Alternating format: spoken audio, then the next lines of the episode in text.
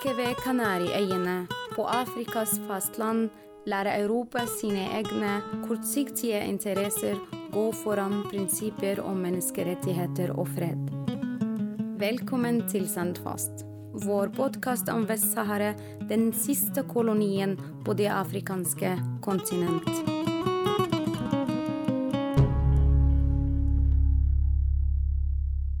Samtalen som vi nå skal høre, ble tatt opp for ca. en måned siden. Da jeg besøkte de saharawiske flyktningleirene hvor jeg selv har vokst opp. Der arrangeres det hvert år en filmfestival som heter Fi Sahara. Og en av deltakerne jeg traff, heter Mohammed Salim Wered.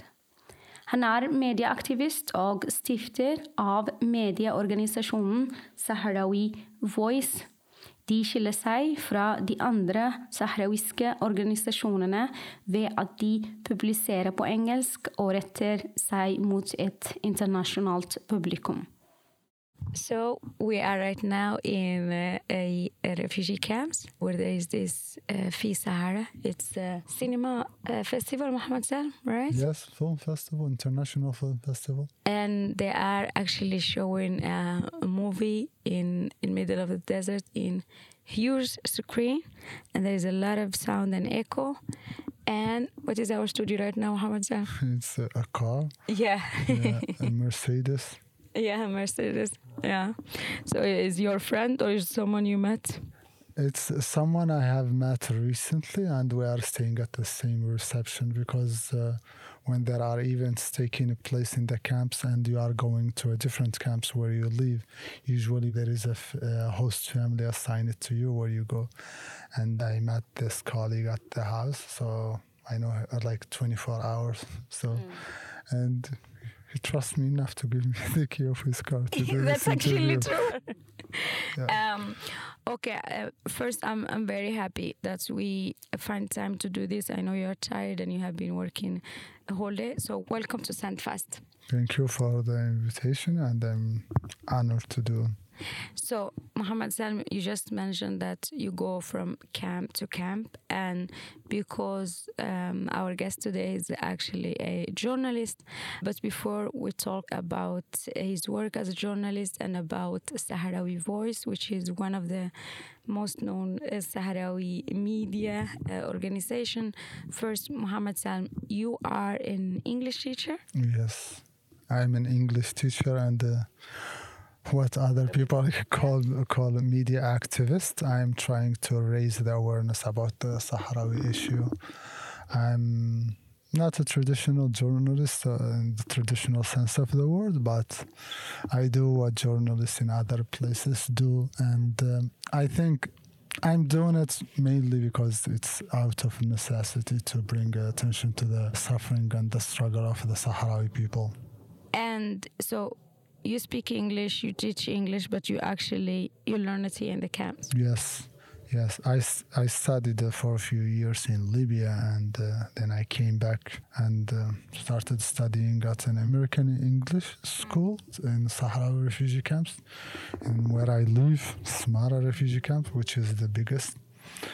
And then I had some training, and then I started teaching with them.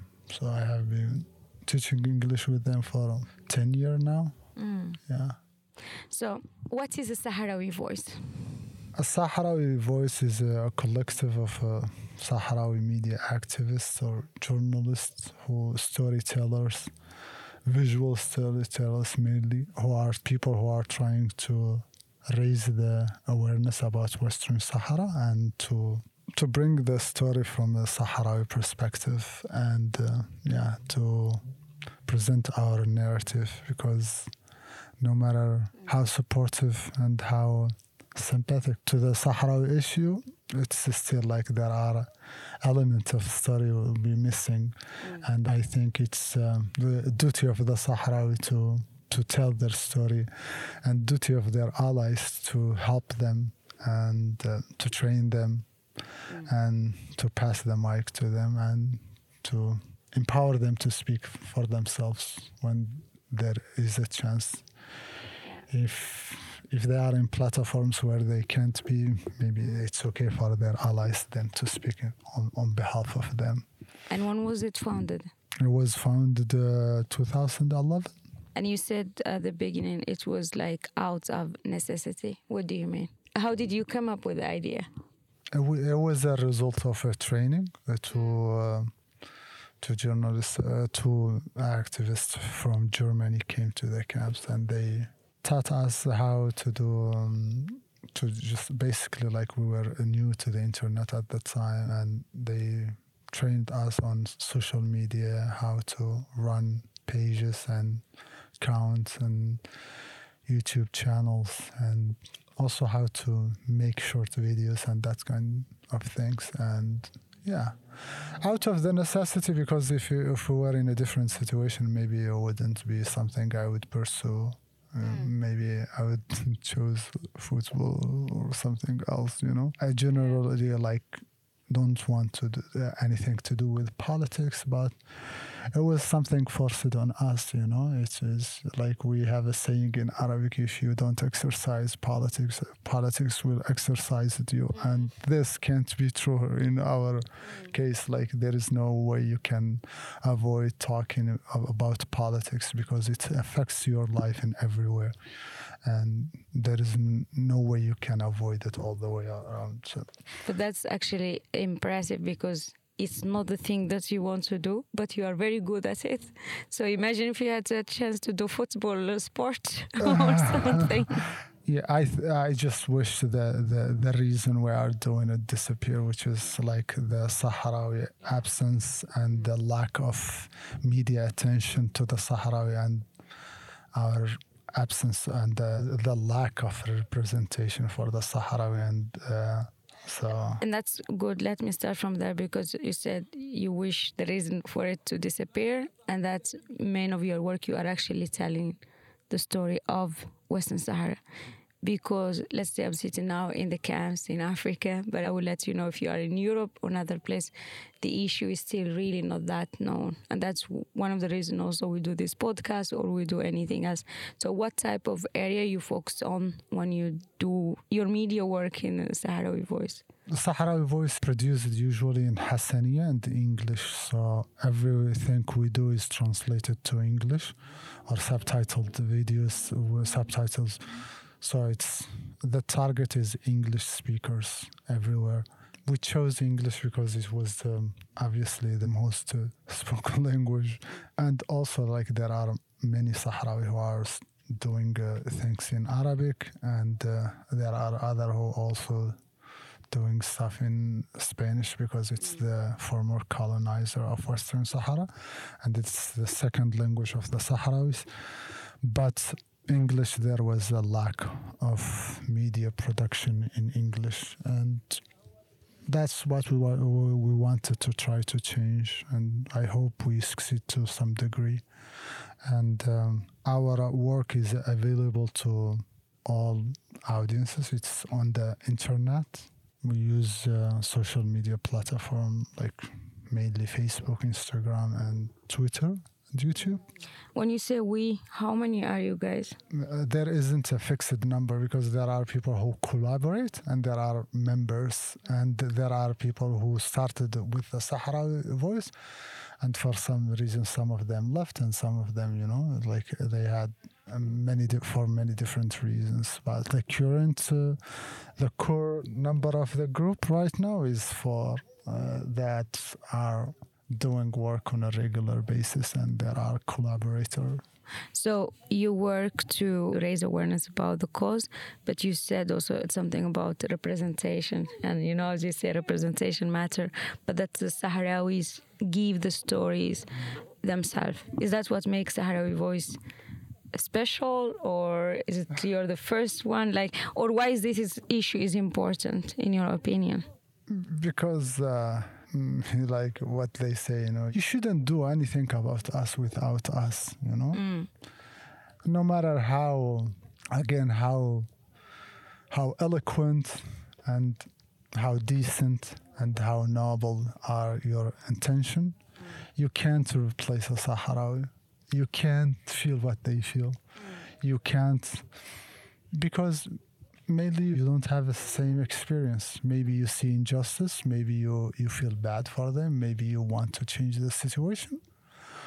But you are not the one who enduring the occupation. You are not the one who's during the living in the refugee camps. You are not the one who has a known future. You are not the one who has a, who lost a brother or a sister or a father to the war or mm. because of the occupation or you are not the one who's anytime can lose a, a child or a, one of your family. So it comes down to the people who are enduring. And that's are, why the name come from? Sahrawi voice. yes, we we felt that that's the, that's like something that's reflective of the work and what we do, and even we don't claim we speak for all Sahrawis, and we don't feel uh, like we are we were not elected to speak on behalf of all Sahrawi, and we don't claim to be the exclusive uh, speakers. Mm what we're trying to do is provide Sahrawis with a platform and they mm. speak their own minds. And it's it's not one story. There are collective aspirations, goals, and uh, difficulties and sufferings. But within each Sahrawi household, there is also individual story, individual dreams, individualistic stories and backgrounds, and that's what we are trying to share and um, communicate with the outside world. Yeah, and and I think this issue is very important because it's not only you can't feel what the other Sahrawi, you know what mm. Sahrawi say? الجمرة يحس بها الحركة. You, you have to translate it. You're the English teacher. the only one who feels the fire is the one who is burned by it. Yeah, so exactly. The, the one, the one who's catching the fire is the only yeah. person who's capable of trans, uh, transmitting what it feels to be burned exactly. by fire. That's one thing, but also why I think this is very good because you know, for many people, when they hear Sahrawis, it's just abstracting mm. because Sahrawis are not visible mm. in like international platform, in media platform, or you know, like in big documentary film festival. I'm just throwing, you know, example. Mm. So it's also good. Um, you you use mostly film. Uh, film and Why? photography. Um, what because, do you, your opinion? Because first, I feel we are not that good writers. To to be honest, we are not that trained uh, journalist yeah. uh, like yeah. uh, uh writing wise. But also, like the audience you are targeting, you are trying to go to the area where you will meet them, which is we are living in a world that's like with people who are very lazy to read anything, even like your own privacy and all stuff that like when you sign up to apps and just you keep agreeing, agreeing because you want to skip yeah, reading everything. Yeah, that's so, true. Mm, so there was no point of writing like a long post that will take a lot of time and research and then just for people not to read them. Even like when we do visuals sometimes we, we have to also like there is a cap. We have to keep it short you know? Keep it mm. short keep it as interesting as possible. And that's just one of the many challenges that's is that tabloid? when you just think we just want to make it sh- short and short because yeah. sometimes what we are trying to do is not too short to be uh, to be confusing and not too long to not take in account that people don't have luxury of spending a lot of time on something they are not familiar with. So it's a tricky balance and delicate yeah. balance that you have to no no you have very good job and very impressive production. Do you have like tiktok since you only have one? Uh, no, sorry no, but since you're no, only on on video. no tiktok is like kind of I, I personally i feel i'm left behind technology wise yeah. so it's for the younger uh, members when they have to do that if they want to, you know, because. yeah. So Mohamed Salem, I know in the camps is not like Oslo or you know uh, Madrid uh, when you're working media organization. Everything is challenging. Yeah. You know, it starts in even from your transport, mm. electricity, and the time how do you actually manage the production? Because you produce a lot and you produce also very good material.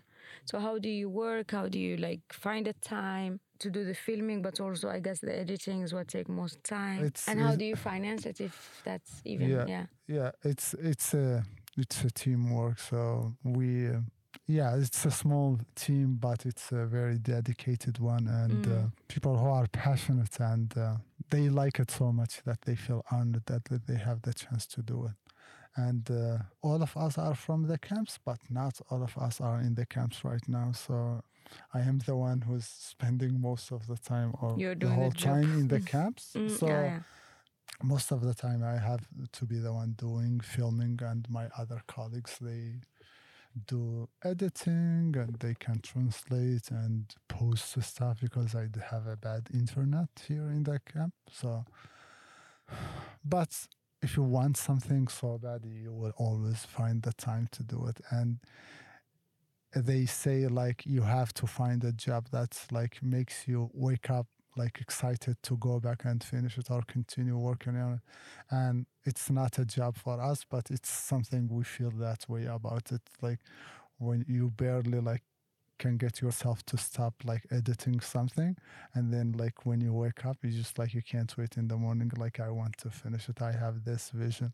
And then when you finish it you just you share it with your colleagues. And the first thing we we we have is like just like start with the constructive criticism what you don't like about it and that's how we we improve because we are addicted to improving and i hope that when people go to check out our pages they can see the change like even just over the months Mm.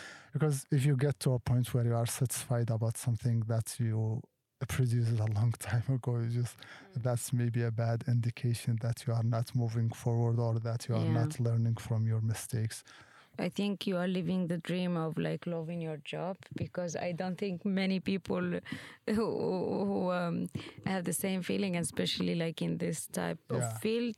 Uh, but you said something when you have like a vision. What is your vision for Sahrawi Voice? Yeah, I, I'm just want to go to one last thing. You said like, uh, how did you finance it? We, Yeah, we sorry, uh, yeah. the the financial uh, side of uh, the work we do is we are uh, fortunate and lucky enough to have uh, people who believe in what we do Mm. and they provide the support in in uh, training and equipment. And our biggest uh, partner and supporter is uh, Emmaus Björkå Yeah, yeah. Yeah. now and uh, from uh, Sweden, and uh, they have been supporting uh, the work of the Sahrawi uh, since 2016. Before that, we and after that, and during that, we had also support from uh, Americans, uh, people in in uh, in individual capacity. And it's just the the believers, people who see what we do and they believe in it, and it's it comes in the form of uh, equipment and uh, a subscription for Adobe, and that's it.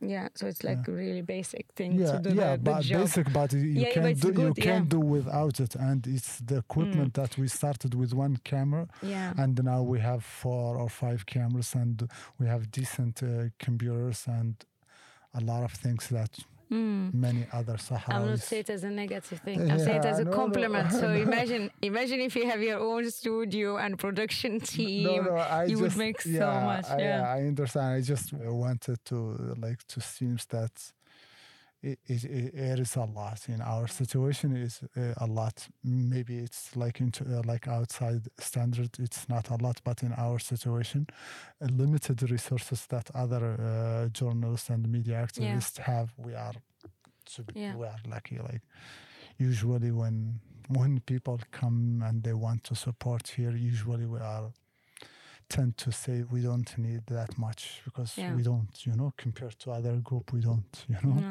It's it's cool and it's nice to upgrade and to get a better and more fancier camera and you mm. can do more.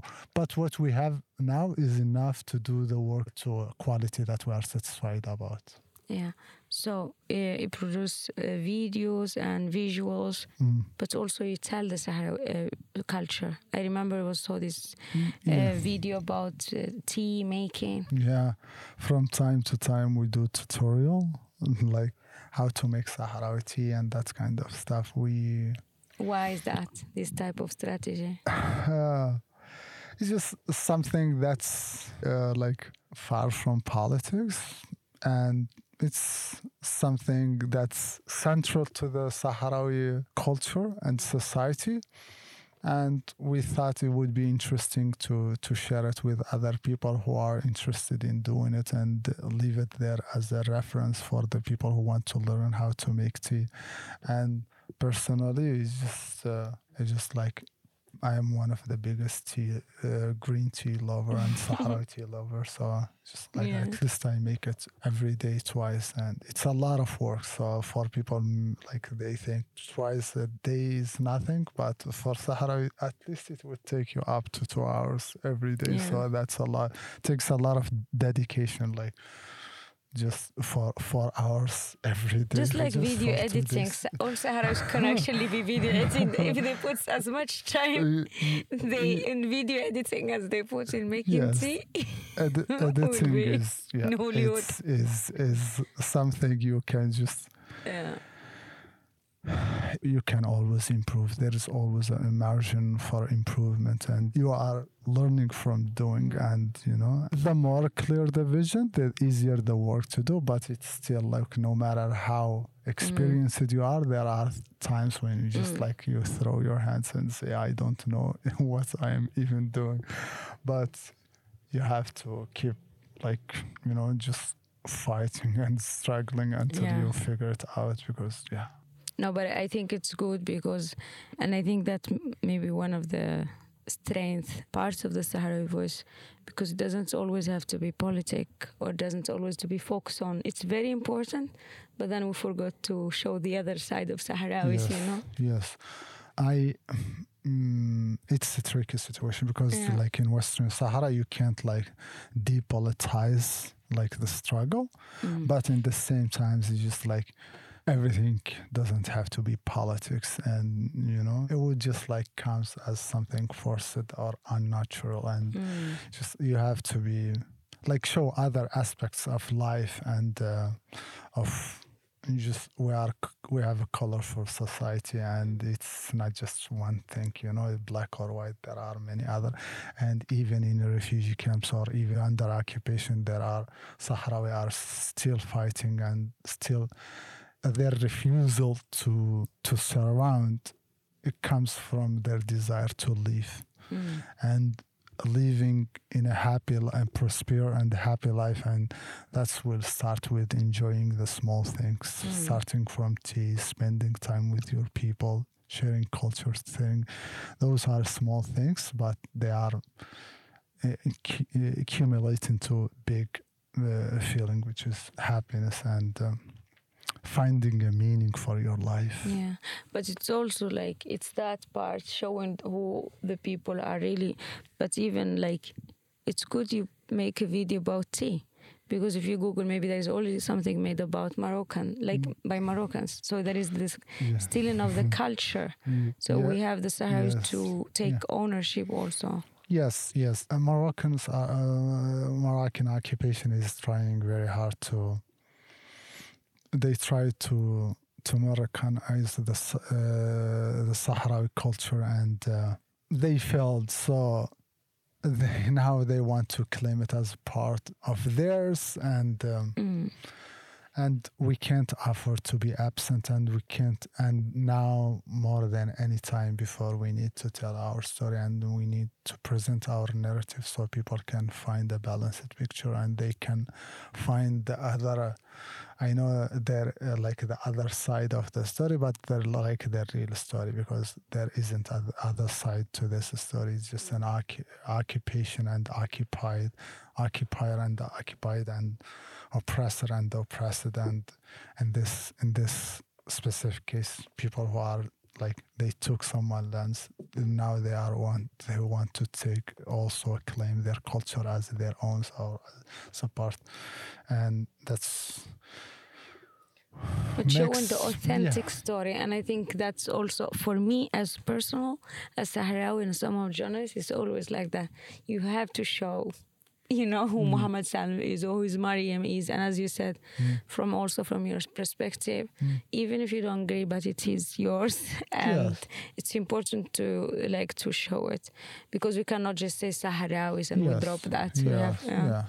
Sahara, yeah, and uh, it's just like any other society. It's very complex, and Yeah. there are so many different things, and people have different way of thinking. Yes, they share big like collective goals. Mm. Like they all of them, they the vast majority they want to be free. They want to finish the occupation, and they want to decolonize Western Sahara and go back to their lands but like what to do in their lands, what kind of uh, political system they want to embrace, Mm. what kind of you know the shape, what the future uh, look like for an independent Western Sahara.